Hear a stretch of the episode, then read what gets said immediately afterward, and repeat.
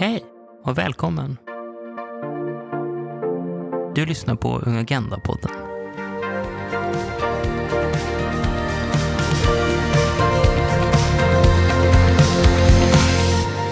Hej allihopa, välkommen tillbaka till Unga Agenda-podden. Vi har ju haft lite paus kan man väl säga. Ehm, vi hade ju planerat att ha ett avsnitt av FN, om FN och hållbar utveckling.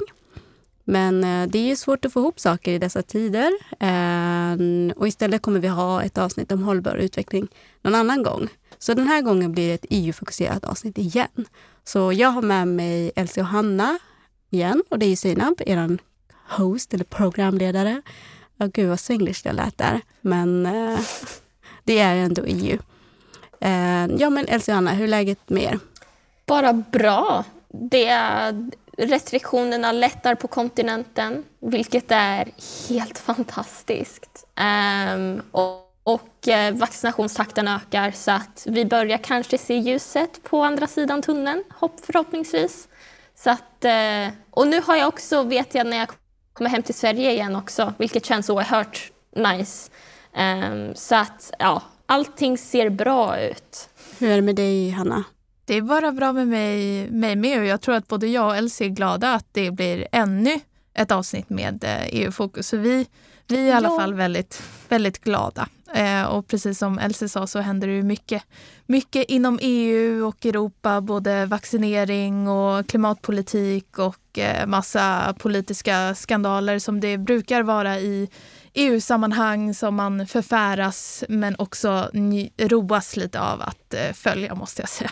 Berätta, vad vill ni lyfta då till de som lyssnar här? Ja, alltså lite ro, eller rolig nyhet. Det, det senaste har väl varit, och det är ju väldigt tråkigt eh, på sitt sätt, eh, kanske EU-medlemsländernas dåliga relation eh, till Turkiet. Och jag vet inte om ni har följt det här med, med Sofagate. När, Uff, ja när kommissionens eh, ordförande och, eh, Jean Michel var eh, och besökte Erdogan eh, i Turkiet och eh, det blev en situation att en inte fick en plats vid sidan av eh, president Erdogan och det var ju då Ursula von der Leyen som inte fick den platsen. Och eh, bland annat här för några dagar sedan så sa Ursula von der Leyen i, ett eller i samband med ett anförande i Europaparlamentet att eh, det här var oacceptabelt och det bland annat handlade om att, eh, att hon var kvinna. Det var därför hon behandlades på det sättet och Oj. gjorde det till en jämställdhetspolitisk fråga. Och det är också intressant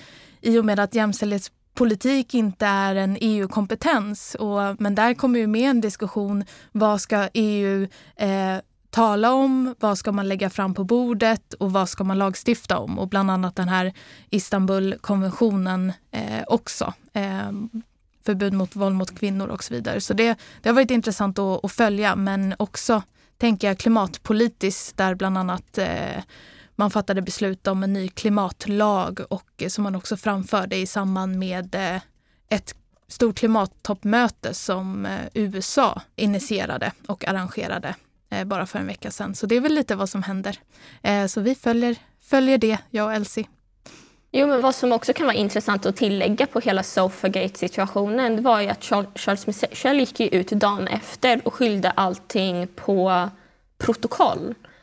Um, och att det finns en otydlighet om, om, um, om hierarkin där mellan uh, ja, ordförande för, för kommissionen och och rådet. Men, det här, men sen har man liksom 30 olika bilder från hur det har varit innan. Ehm, då man har haft Erdogan och sen två stolar för de två, hans två manliga kollegor. Ehm, och, och, och liknande. Så att, och jag måste säga, Charles Michel han gick ju ut och, och skyllde det på protokoll. Men det är, det är så tydligt att det inte är en protokollgrej. Precis som Ursula von der Leyen sen gick ut nu och, och pratade om. Så att det är liksom att det inte finns den solidariteten i, i, mellan ehm, Charles Michel och, och använder bland annat att ja, men det finns en kvinnlig premiärminister i Belgien så att hur skulle han kunna vara liksom antifeminist? Och det, det är så patetiska argument. Um, och, och, det är liksom, ja, jag har haft mycket åsikter om det kan man säga. Men det, men det är klart, att så här, jämställdhet måste ju genomsyra allt som EU gör. Allt annat hade ju varit ett hån mot liksom, europeiska kvinnor. Sen kan man ju också säga att hela vaccingrejen går ju framåt. Och eh, det har också hänt nytt här på LSU-fronten vad det gäller EU. Eh, vi, vår eh, fantastiska representant Alice Bergholtz har ju blivit omvald till um, ungdomsrådet. Jag tror att Alice får hjälpa mig här i det här. För att Alice sitter med oss och eh, är gäst i det här avsnittet för att reda ut lite grann vad är Europarådet och eh, vad eh, du gör och att du har blivit omvald. Vad innebär det? Så välkommen Alice. Ehm, och som vanligt så brukar vi alltid introducera en gäst om att de får berätta vem de är och vad de gör. Så vad gör du för något Alice och vad, vad är din roll? Och vem är du? Ja men hej, stort, stort tack för att jag får vara med. Eh, känns det jättekul. Jag har aldrig poddat innan. Eh, så det här är, är, känns nytt och spännande. Eh, jag, jag heter Alice Bergholtz och jag kommer från eh, eh, Höganäs i Skåne från början. Men jag har bott i Stockholm ett par år nu. Eh, jag är 27 och är ja, men, hängiven till ungdomsrörelsen trots att jag börjar bli lite för gammal för den. Men jag har en bakgrund i eh, scouterna men också i Svea och jobbat mycket med så här elevråds och elevkårsfrågor. Eh, och ja, hittade min väg in på det sättet. Eh, och sen så ganska snabbt så, så fick jag liksom eh, men en extra kärlek för det som är det internationella utbytet. Och titta på så här, men hur man kan samlas i en liksom ungdomsrörelse som är helt gränslös. Det tycker jag är, är så fascinerande. Eh, och eh, känner mig så fylld av energi varje gång jag får lov att vara en del av den. Eh, så jag tror det är typ vem jag är kan jag säga. Eh, jag eh, gillar att odla eh, och eh, älskar hundar. Tänker att jag också kan berätta. Kul. Varje gäst får svara på den här frågan och all, eh, Hanna och Elsie också svarar på det. Och det är liksom vilken ort i EU eller Europa, om du vill utvidga lite mer, är din favorit? Alltså, så bra fråga och jag misstänkte att den skulle komma nu. Va? Men eh, jag har landat i att jag ska säga München eh, i Tyskland. Och det är för att jag, eh, jag hade ett Erasmus-utbyte i München när jag läste en kandidat. Och för mig så var det liksom Nej, men det var en jätteupplevelse att få lov att eh, uppleva att vara utbytesstudent. Eh, att få testa bo själv i ett annat land. Eh, jag, jag är född i Tyskland men vi flyttade till Sverige när jag var fyra så att jag kunde liksom tyska på dagisnivå. Eh, vilket var jätteutmanande när jag plötsligt skulle komma dit i vuxen ålder. Eh, men, eh, nej, men jag, jag, fick en sån kärlek för den, den upplevelsen, den symboliserar så mycket eh, att jag blir självständig, att jag, ja, men ni vet, kan fatta egna beslut och ta hand om mig själv. Eh, den typen av känsla. Så eh, definitivt München. Jag kommer åka dit så fort jag bara kan efter hela den här pandemihärvan. Ja, jag kommer också besöka Tyskland efter det här. Alltså Tyskland är ett underbart land. Eh, så som många andra länder i Europa, men särskilt Tyskland jag lyfta. De har bra ungdomspolitik också. Det kanske är därför. Jag vet inte. Mm. Ja, du blev ju... Eller jag vet inte riktigt hur man ska översätta den här. Är det liksom ungdomsrådet i Europarådet? Det blir för mycket råd här nu kanske. Ja, nej men jag kan dra det här lite eh, så, så gott jag kan. Vi översätter eh, mitt uppdrag på svenska till Europarådets kommitté för ungdomsfrågor. Och när jag känner mig lite lat eller ska försöka förenkla någonting så säger jag bara att så här, nej men i Europarådet så är jag expert på ungdomsfrågor. Eh, det är jättehäftigt. Vi har liksom den stämpeln i uppdraget också. Och det är viktigt att tänka på att så här, i hela EU-maskineriet så finns det många olika institutioner. Eh, och eh, en ganska vanlig eh, ihopblandning det är ju liksom så här, okay, vad är EU och vad är Europarådet? Eh, och jag kan säga själv att jag hade också jag hade väldigt dålig koll på Europarådet innan jag liksom satte mig in i det här uppdraget och, och övervägde att faktiskt kandidera. Eh, men eh, Europarådet superkort sammanfattat är ju den europeiska institutionen för demokrati och mänskliga rättigheter. Och det finns ganska många som har talat om Europadomstolen som ligger inom Europarådet eh, och som sitter i Haag. Och Europarådet är ju den institutionen som är eh, störst till antalet medlemsländer. Man har 47 medlemsländer. Och man jobbar ofta med de länderna som kanske inte klarar eh, inträdeskraven till att vara med i Europeiska unionen till exempel. Så man jobbar mycket med länder som kan ha utmaningar med demokrati eller med mänskliga rättigheter och försöker eh, arbeta liksom tillsammans och jobba mycket med det här medskapande och konsensus och eh, den typen av värden. Så man skulle kunna se det lite som det, det komplementerar EU, det är lite så här inkörsport. Ja men absolut, man kan säga eh, att de kompletterar varandra jättebra. Eh, för EU jobbar ju mycket mer med så ekonomiska frågor och, och handelspolitik medan eh, Europarådet försöker fokusera på de här mjukare värdena kring samarbete i eh, till exempel eh, träning i mänskliga rättigheter, eh, träning i demokratiutveckling och den typen av arbete som EU kanske kan vara svagare på. Intressant. Så hur skiljer sig då Europarådet från andra institutioner? Det är just den här fokus på, på mänskliga rättigheter istället för det ekonomiska handelssamarbetet då? Precis, precis. Och en sak som man gör jättemycket, till exempel eh, om man tittar på valdeltagande och, och valprocedurer så har man olika eh, men bevakande institutioner som kan, kan komma in och som kan se till att ett val går rätt till. Eh, man jobbar mycket med olika utvecklingsprojekt i länder som eh, inte är, är, långa, stora, starka demokratier som har funnits i, i flera hundra år utan som kanske håller på att liksom bygga upp den strukturen. Det finns eh, en typ av fokus också på att hitta den här gemenskapen i den europeiska identiteten. Eh, och jag kan uppleva ibland att inom EU-fronten så finns det väldigt mycket så här samkänsla och, och nästan liksom en federalistisk anda. Eh, Medan i Europarådet så, så, jobbar man ju också med de länderna som inte är med i EU, eh, vilket jag tänker är ett superviktigt perspektiv eh, när man pratar om att vara europé eller att vara liksom en del av den europeiska andan. Superhäftigt. Jag, skulle, eh, eller jag är nyfiken att höra lite både kring hinder och utmaningar i ditt uppdrag för i kommittén för ungdomsfrågor men också överlag för Europarådet. Och där tänker jag precis som du har nämnt, det är länder som inte är med i EU och eh, om man tittar på kartan, bland annat länder med ett mer liksom auktoritärt styrelseskick eh, Azerbajdzjan, Ryssland, Turkiet utmanar jag det när man ska prata om demokrati, rättsstatsprincipen, mänskliga rättigheter. Så både utmaningar och hinder i ditt uppdrag men också överlag för Europarådet. Vad skulle du säga där? Oh, nej, men det är ju precis det här, alltså allt som är det fina med uppdraget är ju också det som är det svåra. Eh, för det är, det är fruktansvärt frustrerande att sitta vid ett förhandlingsbord och veta att eh, en annan part har fullständigt fel men vi tar alla beslut på konsensus. Eh, så det gör att vi måste hitta varandra. Och jag tror att den andra parten kan vara exakt lika frustrerad på mig som håller på och tjatar om, om viktiga saker som, som jag ser är liksom steg fram i ungdomspolitiken. Eh, men, men det finns också en, det finns en kraft i när man hittar varandra eh, som är, är ganska magisk. Men utmaningen är ju att hitta så här, var är ribban på hur mycket jag kan tänka mig kompromissa. Eh, för att det är bara kompromiss, kompromiss, kompromiss hela tiden. Men, men det utgår ifrån att vi alla gör det. Eh, så det, det, är jättesvårt att hitta den gränsen i att eh, hitta ett lugn liksom, i sig själv på det där. Eh, och sen så tänker jag att, att, en annan sak är ju att saker och ting tar tid eh, när man jobbar med den modellen. Eh, vi kan inte fatta beslut som är helt superradikala och kommer att vara världsförändrande över en natt, utan vi jobbar liksom i långa cykler med flera år åt gången.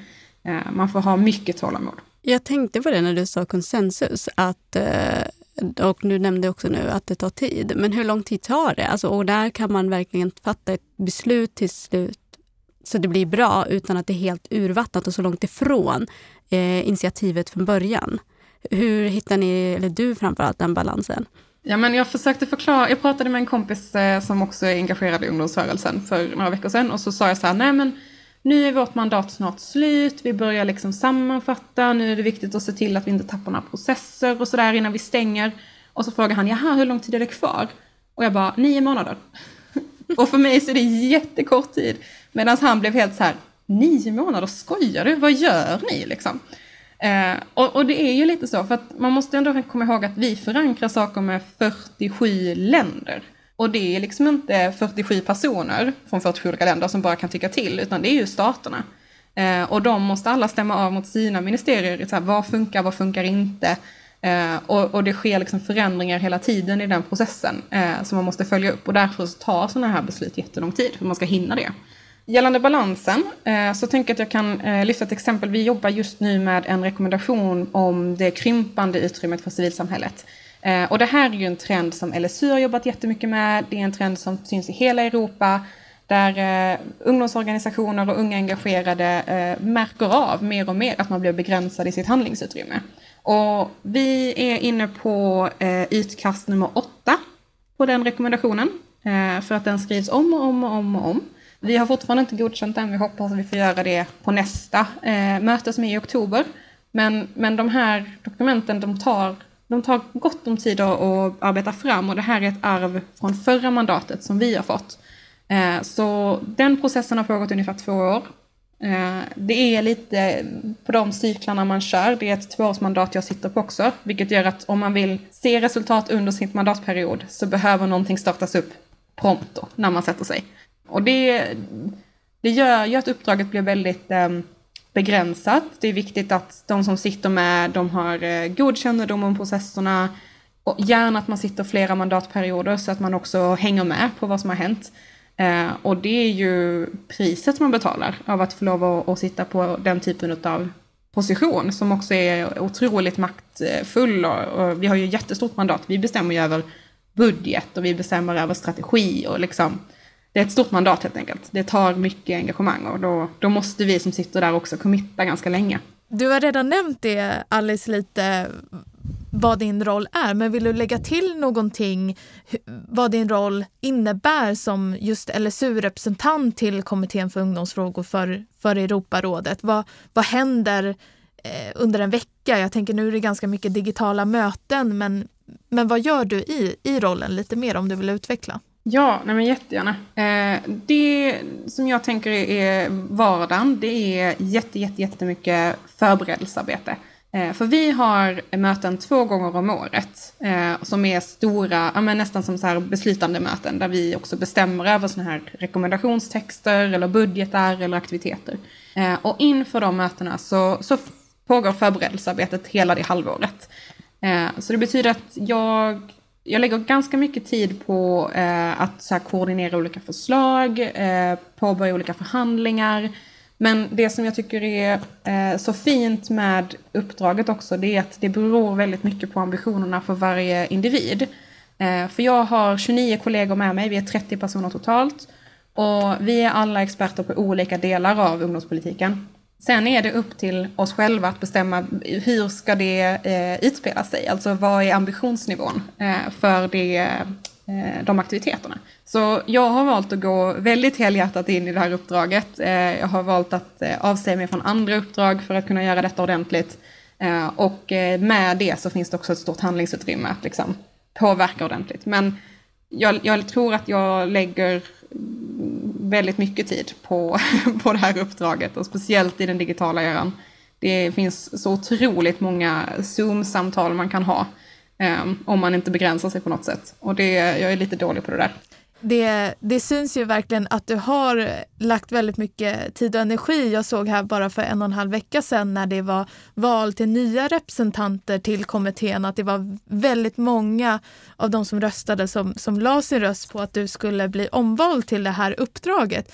Hur känns det och eh, hur kommer det sig att du ville, ville sitta längre i kommittén? Nej, men jag är så otroligt stolt över det resultatet. Alltså jag är, är jätte, jättetacksam. Det häftiga är ju att Eh, mitt mandat eh, det, det, väljs ju på European Youth Forum som är paraplyorganisationen för alla ungdomsorganisationer i hela Europa. Eh, och jag kandiderade ju för andra gången nu eftersom att jag redan sitter i Advisory Council och för mig så var ju den här omgången var ju mer en utvärdering av det jag har gjort. Det var att få ett godkännande från de som röstar att de tycker att jag har gjort ett bra jobb. Eh, så att, att se ett, ett, riktigt starkt resultat eh, kändes superlättande. Eh, det var skönt att få den, eh, ja, men den bekräftelsen egentligen, att, eh, att det här fungerar. Men jag valde ju att kandidera om för att det här uppdraget är liksom det är som format för mig. Jag är en policynörd, jag älskar att sitta med eh, definitioner, eh, med små formuleringar hit och dit, vad är skillnaden på olika ord. Eh, jag gillar att sitta liksom med, med mycket papper och förhandla mitt i natten. men det är väldigt annorlunda att då plötsligt ställa sig och göra en politisk kandidatur utav det. Eh, så ehm, Ja, själva valprocessen är helt annorlunda från vad uppdraget faktiskt är. Jag tror att det är många som blir chockade när man kommer över liksom och ska börja dra igång och så märker man att så här, oj, nu, nu får man inte så mycket uppmärksamhet liksom längre. Eh, det är inte så många som undrar så här, vad är dina prioriteringar? Utan det är, det är mer pappersarbete. Eh, så jag, jag är ganska glad faktiskt att valen är över. Eh, jag tycker att det är skönt att kunna så här, få fokusera på uppdraget igen. Eh, men det har varit jätte, jättekul att få kandidera om. Så häftigt. Du, du lägger ju ner otroligt mycket tid på det här och du är, ja, bara på röstningsresultatet förstår man ju att du, du gör ett väldigt bra jobb också. Um, så att, vad, vad är det som engagerar dig och, och får dig att vilja fortsätta med det här uppdraget? Okej, okay, bra fråga. Jag tänker så här, eh, jag, jag, lägger ner mycket tid, det, det gör jag definitivt. Men eh, jag tror att jag också vill stryka under liksom vikten av att ha ett hållbart engagemang och att hitta en balans som funkar för en själv i livet. Jag älskar att jobba med politik. Eh, jag älskar att få möjligheten att eh, öka rösterna för de som annars inte hörs. Att eh, förse dem med en plattform som har varit otillgänglig tidigare. Och jag har lyxen att ha en arbetsplats där jag har fått förståelse från min chef att jag har den här typen av uppdrag. Jag får lov att lägga eh, om mitt schema så att det fungerar med uppdraget tillsammans. Eh, och eh, jag tänker att det där är det är en jätteviktig eh, punkt för att kunna dedikera så mycket tid till ett ideellt uppdrag, för det är det trots allt. Eh, och jag tror att vi i ungdomssektorn ibland, vi blir också så himla engagerade i att så här, men, eh, stärka våra rättigheter och öka utrymmet för oss själva och eh, delta i de här viktiga processerna där vi faktiskt också har, har utrymmen. Eh, och så glömmer man bort att liksom, så här, men det, det, måste också, man måste också gå tillbaka till hur mår jag bra, hur, eh, hur är det här hållbart för mig och eh, jag känner mig jätte, jätteprivilegierad som har den situationen, att jag kan gå in ganska helhjärtat i detta. Är det något särskilt initiativ eller process som du jobbar med just nu, eh, som du vill berätta om? Ja, jag jobbar med en, eh, lite av en dröm skulle jag kalla det. Eh, men nästa år så är det 50-årsjubileum för Europarådets ungdomssektor. Och det måste man ju fira på något sätt. Eh, och jag har pratat ganska länge med mina kollegor om en trend i Europa där, där det demokratiska utrymmet det blir mindre, men samtidigt så är unga människor mer engagerade än någonsin. Eh, och det finns en motsägelse i det där. Så att det vi ser är ju att unga är jätteengagerade, men att man allt oftare gör det utanför de här institutionella forumen. Eh, det kan synas på till exempel valdeltagande eller så kan det synas på eh, deltagande i eh, här, politiska forum eller eh, ni vet sådana mm, square hall meetings och liknande. Eh, och, och, det här måste man tackla på något sätt. Så att jag har pushat stenhårt för att vi ska ha en kampanj för ungdomssektorn. Eh, där man kombinerar tre pelare, demokrati, ungas deltagande och digitalisering. För jag tror att de tre tillsammans Eh, de täcker mycket av den problematiken som finns just nu som, som inte riktigt institutionerna hänger med på. För jag kan uppleva i samtal i Europarådet att det finns inte förståelse för hur mycket vår demokrati har förändrats i samband med att vi har blivit mer och mer digitala. Och framförallt att då unga har växt upp på ett helt annat sätt med de här forumen, det vet vi alla, eh, och, och har ett annat sätt att hantera de platserna. Institutionerna är inte där än. Eh, och de måste börja ta tag i det innan, innan det är för sent, om man ska vara krass. Eh, så jag pushar stenhårt för att vi ska ha en jättestor kampanj nästa år på det här, för att kunna liksom lyfta på alla locken, titta på vilka områden saknar vi policy på, vad kan vi utveckla mer eh, för att stärka ungas rättigheter, för att stärka organiseringen eh, och eh, skydda mänskliga rättigheter. Tack Alice. Nu hoppas jag att alla känner mer till Europarådet och ungdomssektorn och din roll och vem du är förra avsnittet så körde vi en sån här tempen där vår gäst får säga vad de tycker om de politiska förslag som Elsie och Hanna har samlat in, analyserat och kommer lämna över till eh, politiker på EU-nivå och nationell nivå. Och jag tänker att ni kan börja och att ni ger ett förslag och så får Alice säga vad hon tycker. om du vill ge något grönt eller rött ljus eller bu eller bä eller vad som helst eh, vilken, vilken reaktion du känner för. Eh, börjar du Hanna då? Börja med förslaget. Ja, en, en fråga som jag och Elsa har jobbat väldigt mycket med som vi har pratat om i podden men som vi faktiskt inte tog upp förra poddavsnittet det är ju det här med att sänka rösträttsåldern och där jobbar vi både Eh, med ett svenskt nätverk men också nu har vi skapat kontakt med andra ungdomsrepresentanter från andra EU-medlemsländer och där ser vi ju ett momentum nu kan man säga i och med att vi har eh, Europaparlamentsvalet 2024. Det finns tid att göra saker, att kampanja, att uppmärksamma frågan om att fler medlemsländer ska ha 16 års ålder för att kunna rösta i valet till Europaparlament. Valet till Europaparlamentet. Ehm, så det är ett av våra förslag som vi har lagt fram. Vad tycker du om det Alice? Jag tycker det är jättekul att ni har lagt fram det förslaget. Ehm, jag, jag ska vara superärlig och säga att jag är ganska så här eh, ljummen till rösträtt 16. Eh, och jag ska förklara hur jag tänker. För att här, jag, jag, kommer aldrig vara emot att man sänker rösträttsåldern, herregud, det är jättesmart. Det finns hur mycket människor som helst som har rätt att påverka och delta i, i demokratin som inte har det som en fysisk rösträtt. Liksom. Eh, det behövs. Eh, jag kan samtidigt uppleva att problemet är större. Och det jag tänker på är dels att eh, i, i vissa forum som jag möter Vote 16 så eh, används det liksom som det här, det här kommer rädda oss alla förslaget. Eh, vilket jag tror är jättefarligt att fastna vid. Jag tror att det är en metod av väldigt många som vi kan använda för att öka ungas eh, deltagande i politiken.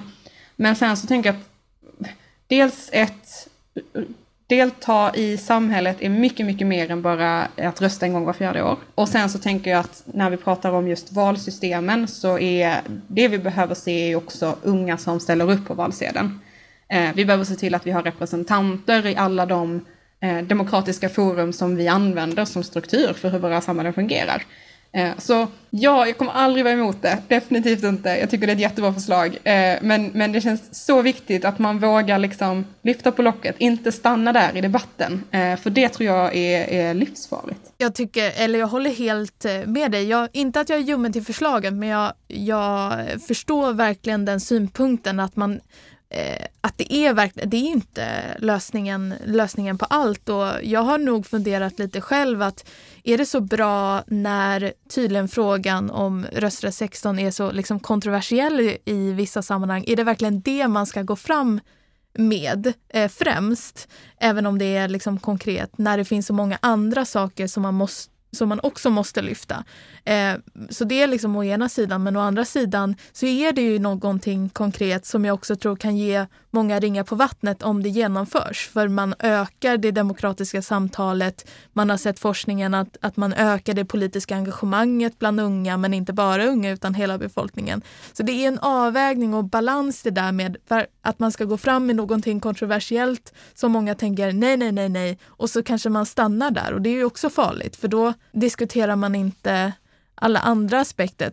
Bara som ett kon konkret exempel, jättekort. Jag vet, jag och Elsie hade ett möte med en ungdomsrepresentant från Rumänien och hon sa det att ja, men röstra 16, nej, det är ingen stor fråga. Här har vi ett stort problem att det är väldigt många unga på landsbygden som inte ens går och röstar för att det inte finns en tillgänglighet. Så man måste ju anpassa också forumet så att man ser till att frågan, den politiska frågan om valprocesser och valdeltagande eh, funkar och inte bara rösträttsåldern utan många andra dimensioner också. Så alltså det jag hör är, alltså även om det här förslaget eh, är förslaget från Elsie Hanna så betyder det inte att det blir färdigt utan valdeltagandet och valprocesser kommer ändå fortsätta arbeta. Det betyder inte att ja, nu får alla rätt att rösta, eller eh, de som är under 16, eller över 16 får rätt att rösta. Men de ska, vi ska ändå göra det tillgängligt för att alla ska kunna rösta. Elsie? Ja, det, alltså det är väldigt tydligt att det enda som håller ungdomar borta från valurnan är ju inte bara dess ålder. Um, utan det finns en himla massa olika faktorer som väger in i det där som man måste också satsa på. Där har vi också ett förslag för att, för att jobba med. Um, vi, vi föreslår bland annat att det bör finnas särskilt öronmärkta bidrag som ungdomsorganisationer kan ansöka till för att kunna utbilda och genomföra utbildningar eller workshops för andra unga om hur man som ung kan delta i politiska processer och driva påverkansarbete mot myndigheter och beslutsfattare. Och det här är då också liksom inte bara på nationell nivå utan också EU-nivå. För vi vet ju att ja, man kan ju minst sagt säga att demokratin är inte på frammarsch i alla länder i EU, tyvärr. Så då kanske det behövs lite hjälp från annat håll. Alltså Vad tror du ett jättestort plus. Jätte, jättebra. Verkligen. Toppenförslag. Eh, inom Europarådet så har vi ju något som heter European Youth Foundation. Eh, som är en jättestor stiftelse där man delar ut pengar till ungdomsorganisationer för att göra olika projekt. Eh, om man ska vara jätteslarvig kan man jämföra det med Erasmus som finns i EU som, som fler har hört talas om. Eh, men där fokuserar man ju såklart i Europarådet på våra eh, huvudord som är liksom demokrati och mänskliga rättigheter. Eh, det finns utmaningar i det systemet också. För till exempel så har man inte möjlighet att söka för eh, personal hur, hur som helst. Eh, det finns också ett tak på hur mycket pengar man kan söka som är ganska lågt satt. Vilket gör att de här stora maffiga projekten, de kommer inte riktigt till genom European Youth Foundation. Men ehm, det vill jag verkligen tipsa om för de som lyssnar, att, att kolla upp ifall man har en idé på hur man kan jobba med detta. För, för det finns lösningar eh, och sen så tror jag att eh, precis som i ert förslag att man måste, man måste tillgöra, tillgängliggöra mer pengar. Det måste finnas mer resurser för det här. Eh, för det är, det är inte ens i närheten på tillräckligt vad vi har idag. Ja, men fantastiskt. Ja, det var de förslagen vi hade för den här omgången. Eh, tack så mycket Alice för din feedback på de förslagen och eh, jag tycker att vi tar med oss de feedback du ger på samma sätt som vi har tagit från andra gäster. Så nu är det dags för liksom, avrundning faktiskt. Eh, vi är klara nu, men jag tänkte Alice, kan du berätta lite vad du har på gång eller vad som kommer hända närmaste tiden som du vill lyfta här för lyssnarna? Eh, ja, men absolut. Det gör jag jättegärna. Eh, och jag tänker att jag börjar med att säga att vi kommer jobba i Europarådets kommitté för ungdomsfrågor mycket med det som är unga, fred och säkerhet, alltså Youth, Peace and Security, som är ett ganska stort område internationellt, men som inte har fått jättemycket mark på eh, Europaplan. Så där kommer vi organisera en, eh, typ tematisk debatt på ämnet där vi bjuder in olika experter för att men öppna frågan och, och diskutera med medlemsstaterna på hur ska vi kunna jobba med det här området och vad är Europarådets roll i det. Eh, så det tänker jag är en stor sak jag vill lyfta. En annan stor är att eh, jag samarbetar en del med eh, World Forum for Democracy som är en annan sån stor eh, organisation som jobbar med demokratifrågor. Och eh, World Forum for Democracy har en serie just nu i det här året som heter eh, Can Democracy Save the Environment? Eh, vilket är en jätteintressant frågeställning där de har olika paneler en gång i månaden. Och i juni så ska vi eh, ja, men helt enkelt samordna en panel tillsammans som fokuserar på eh, hur barn och unga eh, tar ledningen eh, i den här kampen. Och den tror jag kommer bli eh, stor och cool och förhoppningsvis chocka systemet lite. Eh, jag hade en idé här nu, nu ska jag inte lova för mycket när jag sitter i en podd som de kan lyssna på sen, men eh, jag hade en idé om att så här, vad hade hänt om vi tar ett sånt här forum med de här stora plattformarna och så ser vi till att de enda paneldeltagarna som är med är alla är under 18. Eh, det har aldrig skett innan att man gör en sån sak. Vi har också tittat på så här, okej okay, men när, när är det dags att gå in i nya arenor? Skulle vi kunna titta på, eh, kan, kan, vi göra något på TikTok? Kan vi göra något på Twitch? Kan vi göra något på Discord? Alltså bara för att ha alternativen. Eh, för vi pratar om institutioner just nu som typ håller på att upptäcka Facebook. Eh, vilket är jätteproblematiskt. Eh, så, så nej, men jag tror att de två eh, eventen specifikt vill jag lyfta, de kommer vara jättestora. Och sen eh, internt så kommer jag fortsätta kämpa för den här kampanjen eh, på eh, Revitalizing Democracy-temat, där man tittar på ja, men hur demokratin utvecklas i modern, i modern tid. Det låter superhäftigt. Och uh, du som lyssnar och vill höra mer så kontakta Alice på LSUs hemsida. Där hittar ni kontaktuppgifterna till Alice uh, för att höra mer om de här uh, händelserna som är på gång. Älskling Johanna, vad har ni på gång? Ja, eh, ja, jag kan väl kort börja. I förra veckan hade jag ett möte. Nu har eh, EUs framtidskonferens inletts, eller kommer att inledas eh, nu i, i maj. Och då vill man försöka, eller bakgrunden till den här framtidskonferensen är att man ska ha dialoger och diskussioner och liksom stärka medborgardialogen om framtidens EU. Och då vill eh, bland annat eh, ja, men kommissionen, ministerrådet och parlamentet ha med medborgarna liksom, diskussioner och debatter om vad medborgarna tycker. Eh, och då deltog jag tillsammans med, eh, eller där eh, EU-ministern Hans Dahlgren, eh, Dahlgren eh, deltog och eh, EU-kommissionens eh, chef för eh, Sverigerepresentationen och även EU, Europaparlamentets informationskontor i Stockholm deltog för att berätta och också säga vad olika civilsamhällesaktörer kan göra för att eh, uppmärksamma eh, frågan om framtidens EU och olika debatter. Eh, så det gjorde jag förra veckan och det tror jag att vi kommer arbeta vidare med för att det skapar ju en eh, diskussion eh, med olika aktörer hur man kan ja, men, tillsammans få med fler. Exempelvis hur man inte bara ska eh, få med redan unga som är engagerade utan hur man får med unga i hela landet att liksom prata om olika EU-frågor i, i en större utsträckning nu när man genomför den här framtidskonferensen som då inte bara är en konferens utan väldigt många aktiviteter som man vill. Nej, men jag tycker definitivt man ska hålla koll på EUs framtidskonferens. Eh, för det är väl någonting väldigt spännande. Ehm, utan, eh, många aktörer och speciellt centrala aktörer i EU har ju eh, lagt en fas vid att ingenting är off limits, så att säga, utan att institutionell förändring ehm, och, och mer, mer möjligheter för liksom medborgares ehm, input och så i framtiden. Det finns ingenting är off limits och jag tycker det är så häftigt.